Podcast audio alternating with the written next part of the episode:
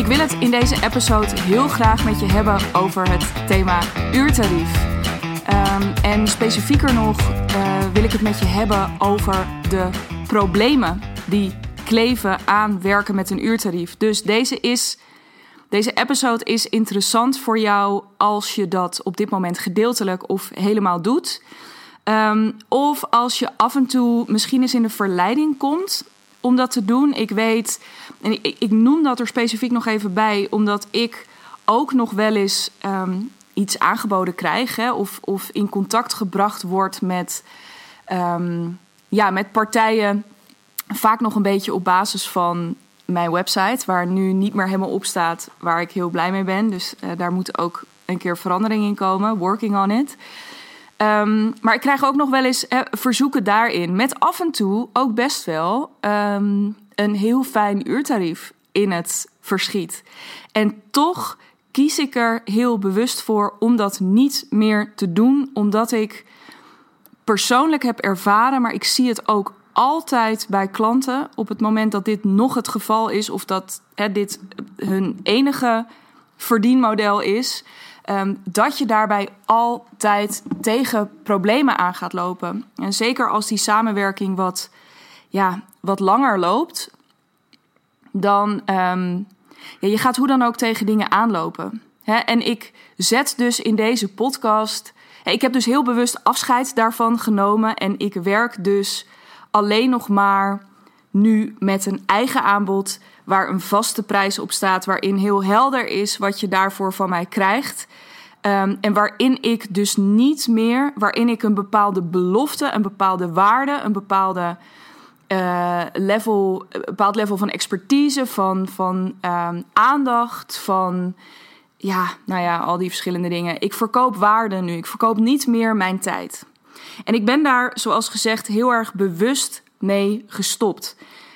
Uh, en ik zat er van de week over na te denken. Van waarom, je, hoort misschien in de laatste podcast. Ja, ik, ik weet niet. Zeker op de fiets. Ik fiets elke ochtend een kwartier, twintig minuten naar kantoor.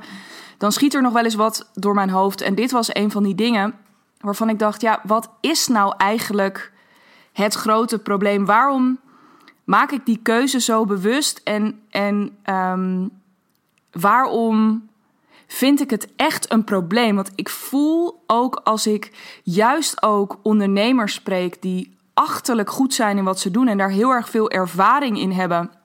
Vaak ook al opgebouwd in loondienst. Nou, dus een soort enorme staat van dienst eigenlijk hebben. Als ik dan zie dat ze op, een, op basis van een uurtarief werken, denk ik altijd: Jeetje.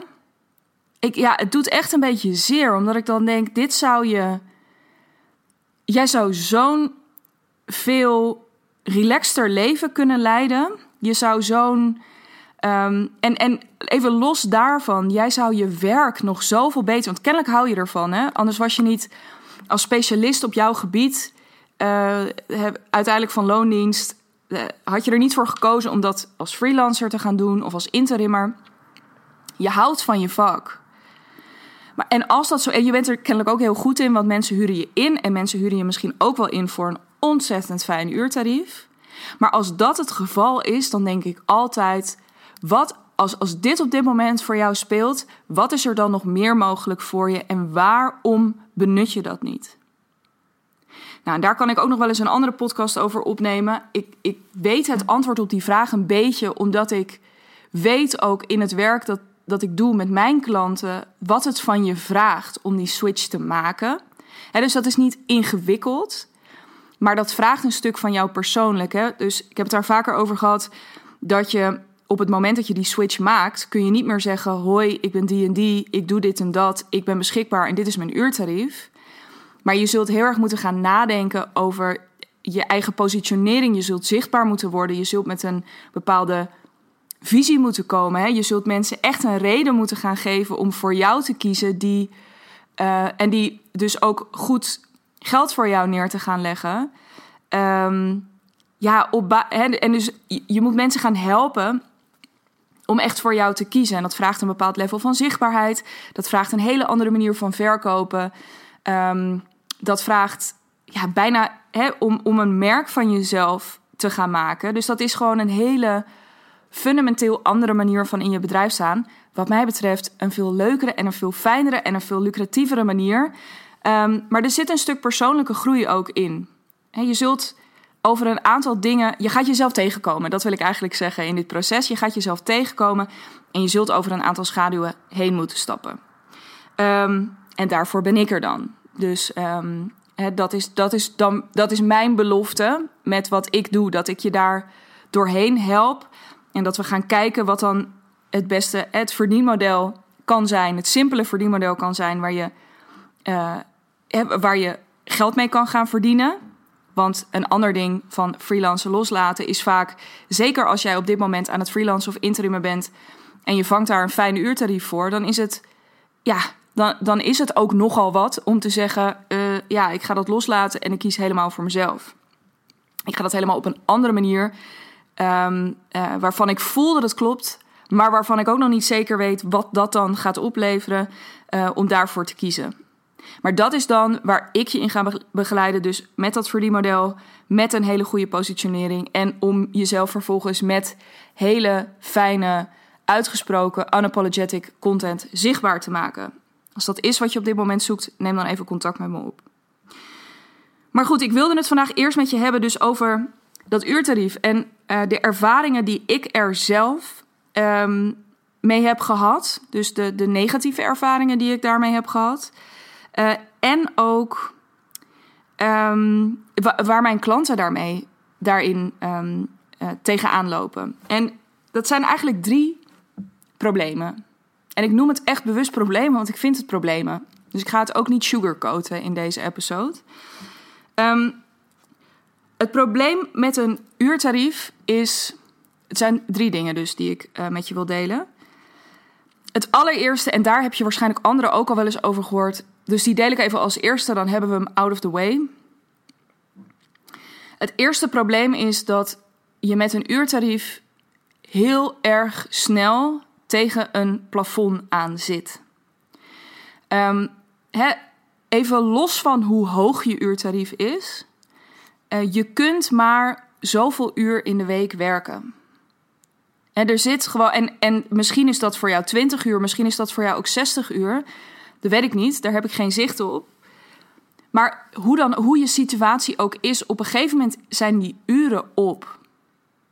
En dan is het, dus dan, dan tik je tegen dat plafond aan. Dan is je enige manier om meer geld te gaan verdienen, is, nou ja, misschien dat je ergens nog twee of drie uur extra vandaan kan trekken.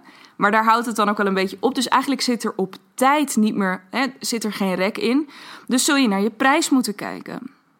Het probleem alleen met je uurtarief omhoog gooien, is dat je dat vaak niet in hele grote sprongen kunt doen.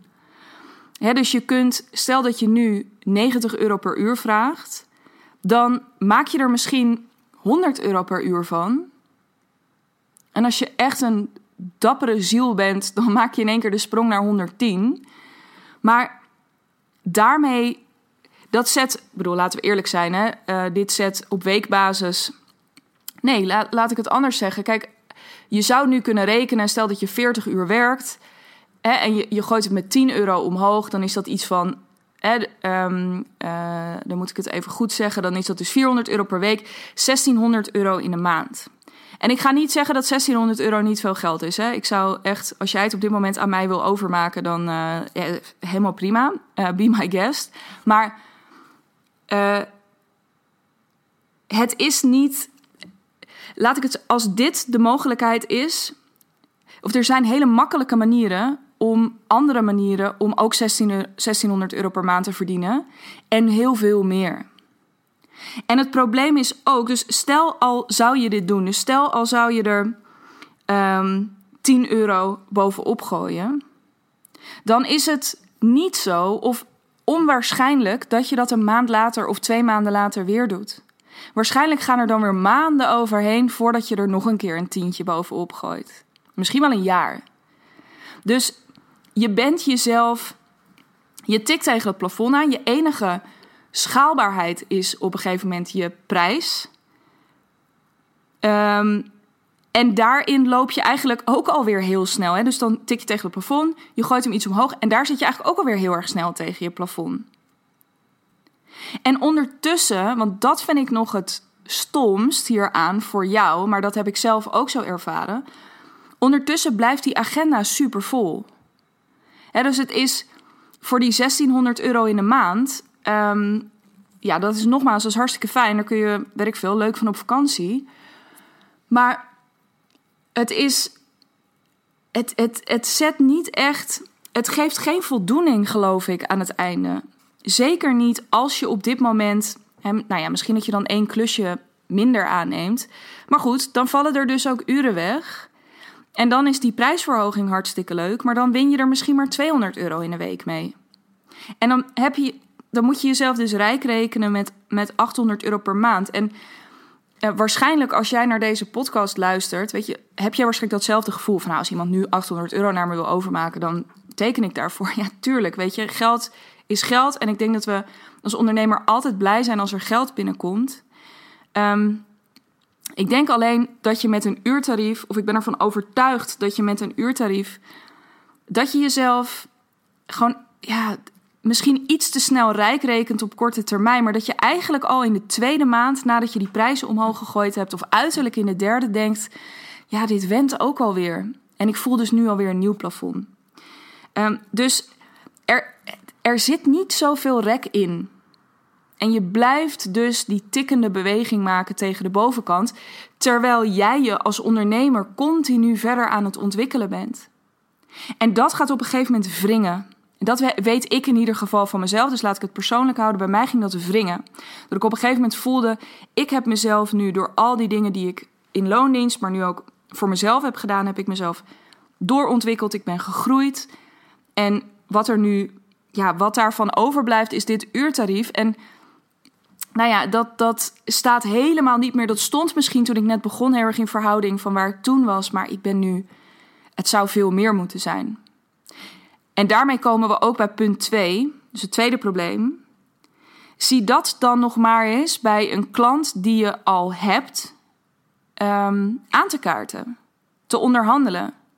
En dus dat, het tweede probleem met een uurtarief is, is dat het um, onder. Ja, dus het is het is lastig onderhandelbaar op het moment dat je al met een klant werkt. dus je bent, dan moet je dat gesprek aan. Wat, ja, en, en dan moet je, dat voelt een beetje als je, alsof je je moet verantwoorden. Zo, dat, dat in ieder geval mijn ervaring daarmee is bij mezelf, maar wat ik ook bij klanten zie dat zijn eigenlijk nooit leuke gesprekken. Nog even los van of het terecht is dat je dat voelt. Want het is natuurlijk niet terecht. Je staat volkomen in je recht om dat aan te kaarten.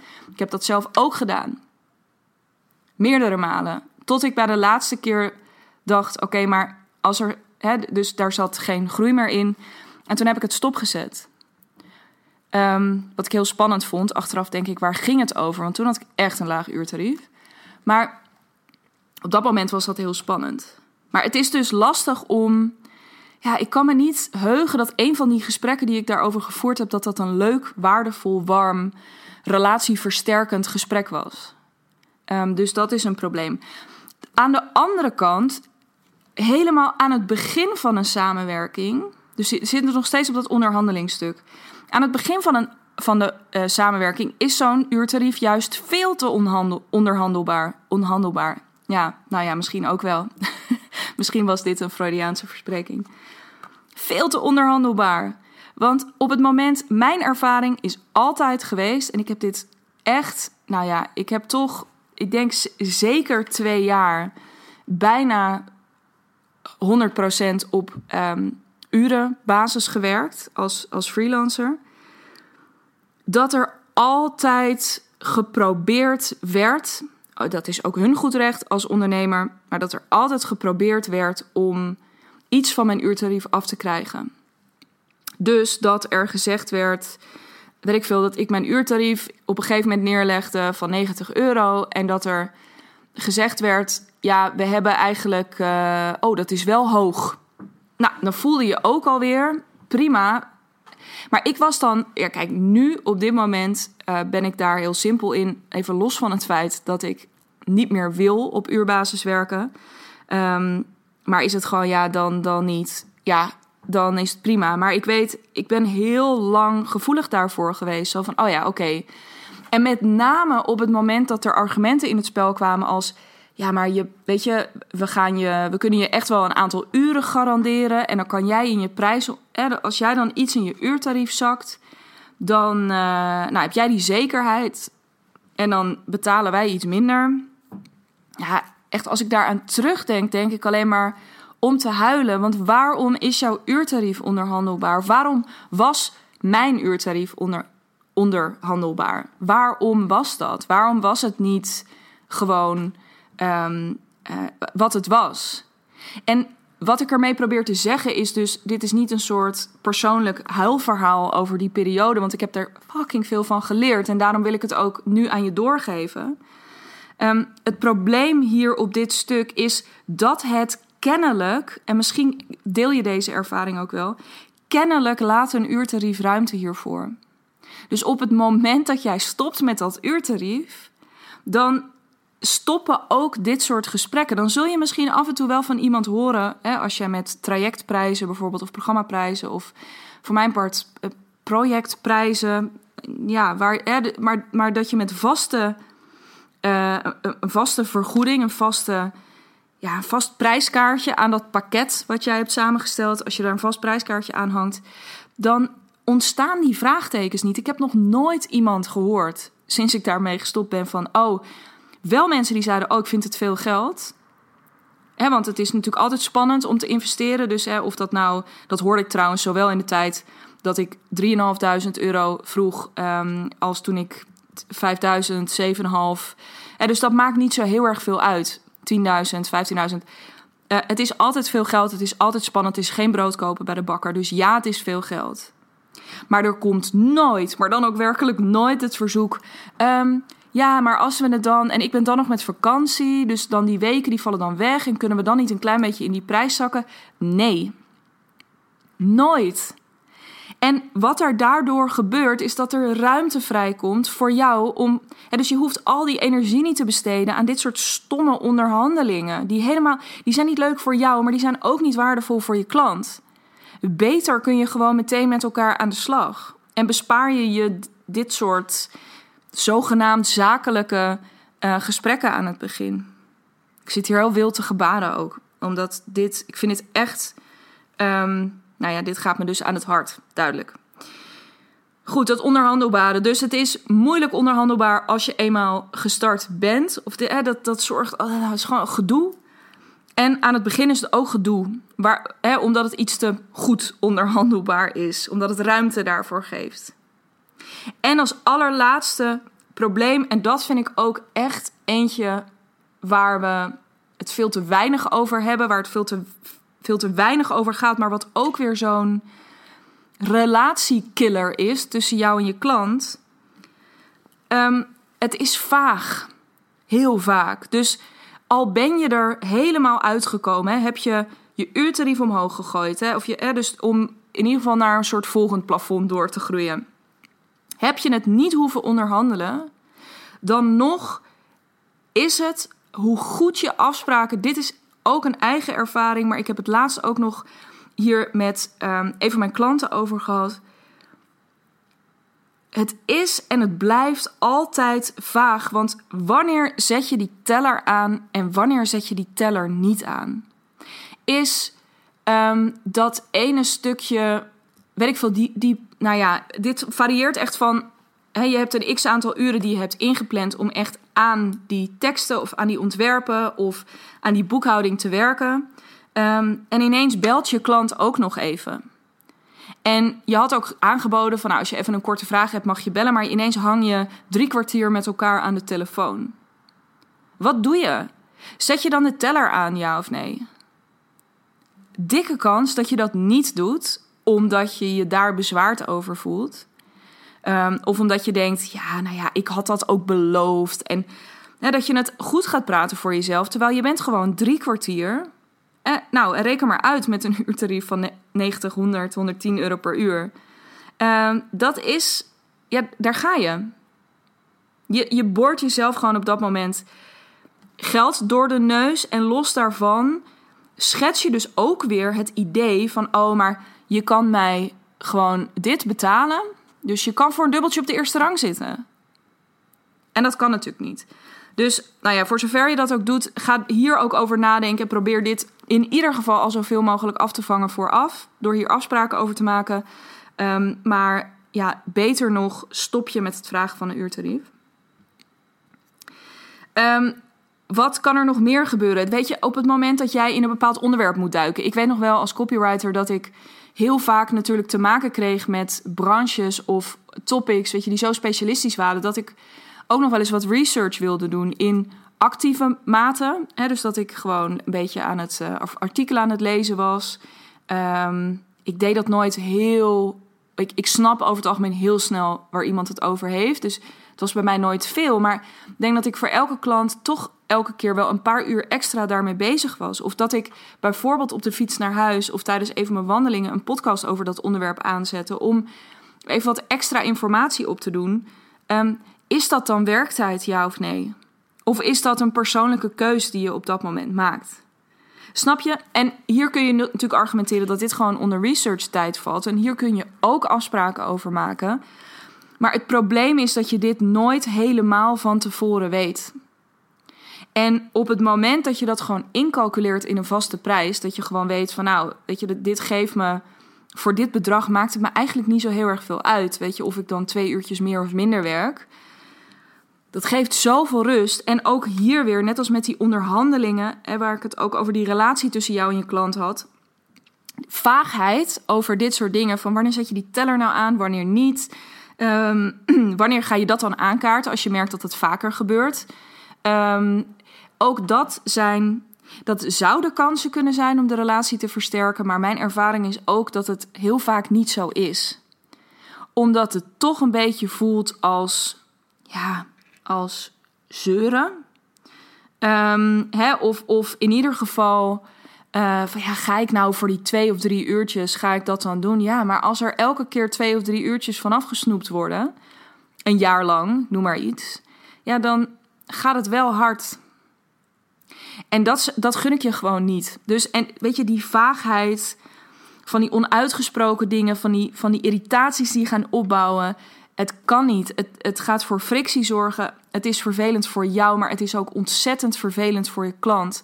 Want je klant is zoveel meer gebaat bij jou op het moment dat jij denkt: ja, man, dit is gewoon, ik krijg hier nu een waardige vergoeding voor. Um, ja, dit is hem. Ik, hier, hier ben ik helemaal blij mee. En um, uh, hier voel ik me goed bij. Dit is naar, naar mijn waarde. Dit is naar mijn um, senioriteit. Dit is naar, nou ja, al die dingen. Uh, dus eigenlijk vind ik onder de streep, als we al deze dingen, dus dat bereik van het plafond, dat onderhandelbare en dat vage van een uurtarief. Um, ja, het is, het, is echt, het is echt een probleem. En het gaat echt ook over um, slecht voor jezelf zorgen als ondernemer. En op het moment dat dat gebeurt, um, kun je ook niet optimaal voor je klant zorgen. Nog even los van of ik de term zorgen voor je klant heel lekker vind. Maar um, hij kwam even zo uit in deze, in deze conclusie. Weet je, nogmaals, hoe beter het met jou gaat, hoe blijer jij bent, hoe meer jij het gevoel bent: yes, dit is, ik sta voor mijn waarde. Jij hebt mij helemaal naar die waarde, helemaal overtuigd hiervan ook, heb je mij ingehuurd. Dit gaan we nu doen. Zijn dan al je problemen forever uit de lucht? Nee, dat denk ik niet. Want je zult ook hè, op het moment, nogmaals, waar ik het eerder over had. Um, ja, je zult daar dan ook voor moeten blijven staan. Ook in uh, dingen die je eventueel later tegenkomt. Je zult misschien weer waarschijnlijk weer hele andere dingen tegenkomen in een samenwerking. Um, maar deze ruis is er helemaal uit. Helemaal uit. Dus nog even los van. Hè, want dat is een argument dat ik vaak hoor van ja, maar moet het dan altijd over geld gaan? Nou ja, ik denk dat het vaker over geld mag gaan dan dat het gaat. En omdat je jezelf dat ook mag gunnen. Uh, maar ook als je nu luistert en dat je denkt: ja, maar het is mij er helemaal niet om te doen om een miljoenenbedrijf te bouwen. Of het is mij er helemaal niet om te doen om heel veel geld te gaan verdienen. Weet dan in ieder geval dat deze dingen spelen. En dan weet ik zeker dat het je misschien wel om tijd te doen is. Nou, het wordt makkelijker om tijd vrij te maken. Ja, en dus op dat, op dat stuk ruis en op dat stuk relatie met de klant en op dat stukje werk gewoon honderd keer beter kunnen doen. Uh, dat dat wel is waar je heel erg op aangaat. Dus daar wil ik het voor vandaag bij laten. Niet voordat ik heb herhaald wat ik eerder aangaf in deze podcast. Um, toen ik tegen je zei dat ik je hier heel graag bij wil helpen om dat uurtarief definitief achter je te laten. En om met een simpel verdienmodel, um, een stevige positionering die echt jouw waarde vertegenwoordigt. Um, en content waarmee je die waarde gaat laten zien, um, gaat overbrengen op die potentiële klanten. Daar wil ik je heel graag bij helpen, zodat je helemaal, dus niet meer in dienst van die ander, helpt om die ander zijn bedrijf groot te maken, maar dat je helemaal je eigen business, je eigen imperium kan gaan bouwen. Um, als je dat als muziek in de oren klinkt, neem contact met me op. Um, ik roep het altijd aan het eind van de podcast. Kan met een DM op digna.brand. En anders mail me even op info.dignabrand.nl. Doe je dat nu, dan um, neem ik je nog mee naar Asten in Brabant voor een vet luxe retreat. Waar ik inmiddels nog. Nou ja, ik heb komende week nog een gesprek. Waar ik nog twee plekken voor vrij heb, zeg ik nu even. Ik moet een klein beetje vooruitkijken. Er, is er, er zijn nu twee plekken bezet, dus er zijn er nu nog drie. Maar tegen de tijd dat deze podcast uitkomt, zeer waarschijnlijk twee. Um, dus neem contact met me op als je dat wil en als je daar meer over wil weten. Um, ik heb namelijk super veel zin om met je te gaan werken. En dan kunnen we dit jaar nog aftrappen samen. Dus we kunnen meteen beginnen. We kunnen meteen de kick-off gaan doen. En we kunnen dit jaar nog stappen gaan zetten om hier uit te raken. Waar je nu in zit.